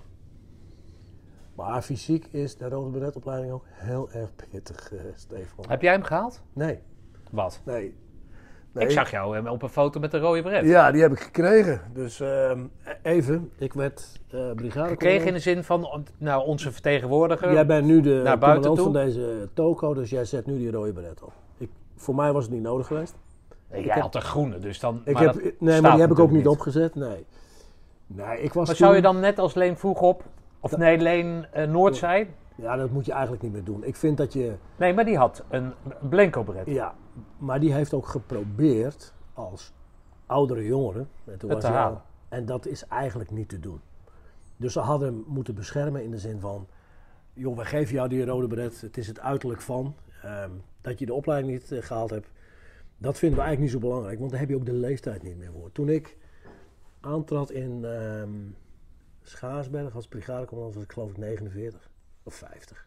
Oké. Dan moet je dat niet meer willen. Oh, dus je bent in leeftijd- bescherming genomen, of je hebt jezelf in bescherming genomen. Nou, Hoe ik had ook zoiets van... eh, dat, dit moet Had je het gehaald? Nee. Nee? Eh, eh, ken jij de films eh, van Dirty Harry? Clint Eastwood? Noemen ze jou Dirty Harry? Nee. maar weet je wat ik wel van Dirty Harry noem? Nee. Wat dan? A man should know his limitations. Oké. En ik vind dat je, als je voorbij de 40 bent, kan het eigenlijk niet meer. Ik ken mensen die als 40-jarige hun ro- groene beret gehaald hebben. Dat was tandvleeswerk, het was onverantwoord. Ze hebben, maar dat moet je niet meer doen als je al Hm. bijna 50 bent. En dan zeg ik ook, je moet op een gegeven moment wel weten waar je beperkingen liggen. En ik heb dat volgens mij wel toen eh, aangegeven. En ook gezegd van luister, als 24 jaar, no problem. Maar niet als 49 jaar, moet ik helemaal niet willen. Ga ik ook niet doen ook. Oké. Maar goed, dan, heb, dan eh, word je gered door je staat van dienst dan toch? Ja, maar ik was er wel op voorbereid van, nou prima, dan eh, jullie willen dat ik commandant van deze brigade word, prima. Ik, die baret heb ik niet verdiend, ik zet hem ook niet op. En toen ben ik door commandant landstrijdkrachten gevraagd van, ja maar wacht even, je bent het uithangbord van deze eenheid. Die kwam naar jou toe. Ja, en die heeft gewoon gezegd, hier bij deze, nou dat is ook een, eh, een hele beperkte ceremonie geweest, zet dat ding op en je bent nu. Maar goed, dat is ook altijd wel veilig als je weet van, ja maar ik heb wel een groene. Dus, Ja, nee, daarom zeg ik. Je hebt de staat van dienst zo, Ja. opdat je dus hè, kan acteren zoals je dan acteert. maar ook, ook korpscommandanten die geen groene baret hebben, kunnen nog steeds een hele goede korpscommandant. Nee, tuurlijk. Nee, want dat was mijn volgende vraag. Er zijn er dus een aantal Ja. korpscommandanten geweest. Ja. En zoals ik dat dan uitleg naar een aantal mensen die zeggen: ja, maar dan moet je, hè, als het een kolonel moet zijn tegenwoordig, Ja. dan moet je toch eerst bij de, eh, hoe noem je die lui, lui- sorry, luitenant-kolonels gaan kijken of daar niet iemand zit. Ja, weet je wat ik... mijn opvolger was een niet-groene beretdrager. Dat was Mark van Um. En kreeg ook dat gezeik van eh, de achterban, van kan dat nou allemaal? En toen heb ik gezegd, wat hebben we aan... Want deze kolonel wordt geselecteerd op deze competenties. Daarom hebben we hem, hè, hij moet extern, hij heeft die dingen. Toen zei ik ook tegen de achterban, wat hebben we aan een kok die niet kan koken, maar wel een groene beret heeft? Wat hebben we aan een korpscommandant die wel een groene beret heeft, maar geen korpscommandant is? En zo simpel is het ook. En ik denk dat in Roosendaal hebben ze over het algemeen niet zoveel moeite hiermee. Om dit te accepteren. Nou ja, ik vul het als buitenstaander, vul ik het in van, je moet gewoon een goede manager hebben. Toch? Ja, Manager- vind ik de verkeerde term. Eh, ik, je moet een goede commandant lekker. hebben. Ja, dat wil je drinken. Otto maakt nu een eh, We gaan- afronde. En we maken nu een afrondgebaar, want ik ben benieuwd hoe jij dit... eh, Nee, ja, we, maar we zijn nog niet klaar. Eten we even een broodje en dan maken we hem even af. Nee, maar hoe heet dat? dat ehm, eh, jij zegt manager geen goede term? Nee, het is een, het is een, het is een commandant. Ik vind, een manager let op de winkel. Nou, een doet leider doet de goede... Een leider... Het verschil is de goede dingen doen of, of de dingen goed doen. De, ma- de manager doet de dingen goed. Die, die Nou, ik had dat aan Theo voorgelegd en Wat zegt hij dan? nou, die zegt wat mij opvalt weg aan de huidige korpscommandant, helemaal niks ten nadele van, dat hij dat ding niet heeft. En ik wijs op mijn linker hogere krijgsschool of zo. Hè. Dat heeft ook met tactieken te maken en dat Hmm. soort... Het, Toch? het betekent gewoon HD. Dus de gouden zon is Ja. eigenlijk het teken voor dat je een hogere militaire vormingsbrevet hebt. Ja. Tegenwoordig heet het hogere defensievorming. Gebreveteerd, oftewel uiteindelijk ook voorzien om door te groeien in de rangen. Ja. Nou, ik was de eerste met zo'n brevet. Als Eh, korpscommandant ja. Ja. Maar of je nou wel of niet dat ding draagt, vind ik persoonlijk niet belangrijk. Het gaat erom, wat komt uit je handen. Nee, maar dus als je dus een niet-groene bret als korpscommandant hebt, maar je hebt wel die, die ster of die zon. Dan heb je alle provisions voor om een goede korpscommandant te zijn. Ja. Absoluut. En dan zeg jij dus, Die kleur van de beret. die kleur van de bret maakt geen zak uit. Vind ik absoluut. Maar als het een groene beret is zonder die zon, hè, dus zonder die opleiding, zeg maar, die belangrijk is voor een korpscommandant, dan is het een kok Nee, die dan, niet kan koken. dan met kan hij nog steeds een hele goede korpscommandant zijn. Maar het hebben van de groene baret is dan geen garantie Nee. voor succes. Snap je wat ik bedoel? Ja, nee, dat snap ik wat je bedoelt. Ja. ja. Hey, als jij eh, terugkijkt op, jouw eh, op jouw carrière, terwijl je een eh, pistolet naar binnen schuift. Wat, wat, wat, wat, wat, wat, wat is dat leiderschap, hè, dat boek en eh, de gedoe allemaal? Is dat nu leidend in, jouw eh, in jouw leven of, of naast de vele vakanties die, je- waarom jullie geen hond nemen, d- d- zeg daar eens wat over? Nee. Laat ik zo zeggen. ehm, ik ben al zeven jaar eruit, hè, gepensioneerd. Maar ik ben niet echt gestopt met werk. En de overtuiging die ik had ten aanzien van hoe ik kijk naar teams en leiderschap. Daar doe ik nu dingen mee. Dus ik, ik, maak daar een beetje mijn tweede carrière van. Dus ik vind dat leuk om te doen. Leiderschaps- en teamtrainingen. Maar het is wel vanuit de overtuiging die ik in de militaire wereld heb opgedaan. Dat het allemaal draait om het team. Eh, Dus niemand is belangrijker dan het team, is echt zoals ik het gevoeld heb.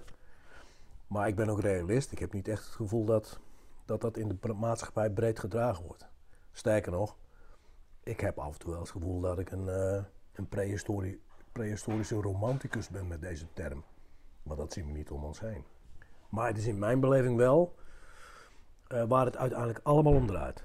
En het mooie van die interviews die jij gehouden hebt met, met Marco Kroon, met Onno van Boven, met Ray Klaasens, maar ook met Henk en Theo. Het gaat om mensen. En Peter? En Peter Kortel. Het gaat om mensen. Ja, dus eh, hoe jij als leidinggevende jezelf manifesteert is heel erg afhankelijk van... Stel jij je eigen belang centraal of dat van de eenheid? Dat is één. En ben je ook bereid om je eigen carrièrekansen ook ehm, in de waagschaal te stellen om het goede te doen voor de eenheid. Hè. Dus durf je af en toe ook gewoon ons te beschermen naar boven toe. Ja, dat heb jij gedaan dus, hè? ja, daar ben ik ook niet anders in gaan denken en dat ben ik nog steeds van overtuigd dat je dat moet doen. Zonder dat artikel in de Volkskrant, had jij een hogere rang gehad?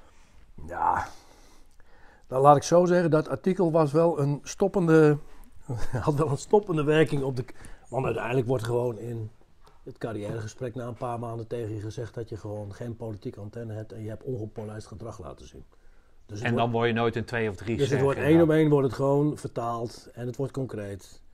Ze zeggen nog net niet eindrang bereikt, maar uiteindelijk heb ik het wel zo gevoeld. Maar wie voert dat gesprek dan? Dat voert uh, namens de commandant landstrijdkrachten zijn directeur personeel.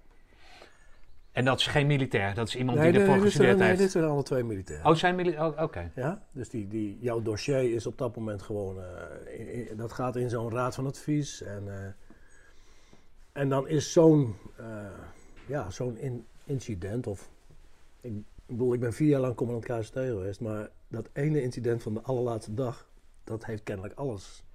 Was dat je allerlaatste dag? Dat was wel Dat meen je niet. dag. Oh, Dat was heb slim dag- gedaan, man. Nou ja, dat, dat vond ik zelf ook niet. Maar ja, ik heb ook niet om dat interview gevraagd. Maar los daarvan, ik heb het wel gezegd. Dus dan heb Maar ik hoe, hoe, hoe heeft iemand jou, die journalist, heeft jou die Nee, de, uitspraak Nee, de ontlokt? Defensie Voorlichting wilde een aantal. wilde een interview in de Volkskrant. En een aantal onderwerpen bespreken. Dat ging over de dapperheidsonderscheidingen. Dat ging over de inzet in Afghanistan in die tijd, hè, 2002.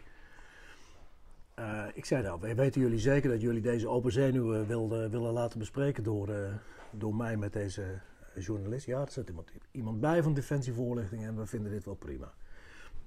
Ik heb volgens mij ook geen verkeerde dingen gezegd, maar het is wel vertaald met ehm, militaire Rambo, of wat was het nou weer? Ja, die, die Rambo op, op zoek naar Taliban. Commando eh, Rambo wilde uit Taliban. Ja. Nou, Nee, ja, gekooide tijgers, was dat, dat niet zoiets? dat is later gekomen. Oh, is dat later pas? Oh. Waarbij ik nog eens een keer uitgelegd heb hoe het voelt om een Special Forces eenheid op te leiden, te transformeren, te hebben. En, het En vervolgens dat was. Telegraaf, toch? Dat was toch Nee, dat was, geen. Volkskrant, toch? NRC. Oh, NRC, oké. Maar goed, terug naar het verhaal. Ehm, ja, het is, het is natuurlijk niet bevorderlijk voor je, voor je carrière. Laten we eerlijk zijn. Als jij eh, onder... Laat ik zo zeggen, als jij eh, politieke gekrakeel weet op te wekken, dan, eh, dan is het natuurlijk op de een moment is dat niet handig. Jeff McMurtry, eh, dus laatste Ja, commandant, was in mijn tijd majoor uitwisselingsofficier bij ons in Roosendaal. Daar heb ik zeer veel respect voor. Ik vond het ook een, ik vond het een plaatje van een officier. Die Indo, hè? Dan het, het Hm? Indo. Oh ja dat, ja, dat klopt. Ja. Hij heeft ook een beetje Indische, Indische Ja, een beetje. Maar, ja, hoeveel weet ik niet precies. Maar Jeff heeft uiteindelijk gewoon ook front gemaakt voor zijn korps. Voor het verhuizen naar Vlissingen. Volgens mij heeft hij daar qua promotie ook onder geleden, toch? Natuurlijk heeft hij daar Ja. onder geleden. En dan kunnen we wel zeggen, nee prima, iedereen nog on speaking terms. Dat was voor mij wel, hey Jeff, dit vind ik heel dapper wat je nu doet. Ja. Dit is zoals wij, wat we van leidinggevende mogen verwachten. Ja. Dit is het gedaan.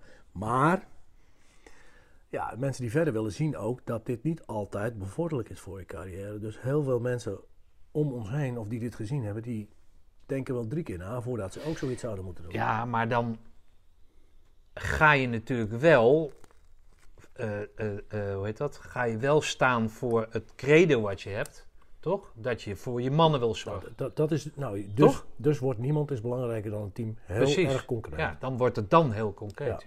Ja. Ja, daar gaat het dus om. Ja. En, da- en doet, dat doet een manager niet, hè? Nee, want die denkt aan zichzelf. Nou, de manager doet ook gewoon, zorgt ook dat de dingen die we afgesproken hebben goed gebeuren. Maar een leider in dit geval, ja, die, gaat, die doet in mijn beleving ook de goede dingen. Dus die doet meer dan alleen maar zijn werk goed doen. Is dan een van de. Het, ik vond het een sprekend voorbeeld van al dat, nou die boeken gedoe. Van dat een kasteleins, hè, uit jouw peloton, Oh ja, een voorbeeld geeft waarin hij dan vindt hij maakt dat je een goede leider eh, bent. Ja, heb je het nu over het verhaal dat hij... eh, Met die boomstam. En die putoefening. Ja. dat Vertel hij dat verhaal eens. Ja, god. Hij was. ehm, ik ben even zijn voornaam kwijt. Kastelein. Die grote vent bij ons in het peloton. Ehm, en die zit met mijn ploeg. We zaten in de zevende week. We moesten onder de grond in Oorschot. En spoors vroeg begon te regenen, dus iedereen zielig. Dus we staan eh, langzaam maar zeker camoufleren we die put af. We hebben nog een paal over. Dus ik zeg tegen hem: breng die paal weg, graaf hem in. Eh, want ik heb hem nu niet meer nodig. De bovendekking is al klaar. Maar hij was zo moe, dus hij loopt uiteindelijk gewoon een meter of eh 30 het bos in en zet dat ding recht tegen de boom. dus wij zitten, s'morgens vroeg bij daglicht, zitten wij onder de grond. Nou, en dan kwamen ze aan, de instructeurs. En Henk Heezakkers die zei van, cursist Wigge, kom er maar uit. Neem maar gelijk even je veldfles mee. Maak je borst maar nat. Dus ik moest met die veldfles mijn borst nat maken. Over humor gesproken. en die toont mij die paal aan. Wat is dit? Oh shit. Nou, eh, nou ja, en uiteindelijk bleek dan dat hij hem daar neergezet had. En Kastelein, die, ehm, ja, die, ja, ja, die heb ik daar neergezet. Oké, nou prima, hop, keels de put weer in. Wat ik mannen gedaan hebben, maakt niet uit. Ik was verantwoordelijk. En ik kon uiteindelijk die paal, midden overdag, kon ik die een kilometer vijf verderop wegbrengen naar de achterwaartse en weer terug. Dus ik ben een halve dag bezig geweest om die paal weg te brengen. Dus het ging ook allemaal ten koste van mijn eigen nachtrust. En ja, moet ik dan tekeer gaan tegen hem? Of moet ik dan eh, uit mijn slof schieten? Ik weet, hij voelt zich ook gewoon eh, kloten dat dit gebeurd is. En dat hij ziet dat zij de verantwoordelijke. En wat hij aangaf op mijn afscheid, hij zei van het feit dat de luitenant nooit mij hierop aangesproken heeft, dat vond, dat vond hij toch op de een of andere manier wel heel speciaal. Maar ja, dat is wel het lot van een leidinggevende. Ja. Lang en breed over praten, maar verantwoordelijkheid kun je niet delegeren. Dus ja, jammer dan. En, en dat heb ik ook gewoon geaccepteerd. Nou, Maak je borst maar nat. maak je borst met dat. Ja, dat is wel een goeie inderdaad. Ja. Met, Ja. met velfles. Ja. Otto, ondanks je verdiensten voor onze krijgsmacht en in het bijzonder natuurlijk ons korps, blijk jij eveneens gelukkig ook maar een mens te zijn. Dank voor het delen en keep up the good work. Noem koud, noem kwam.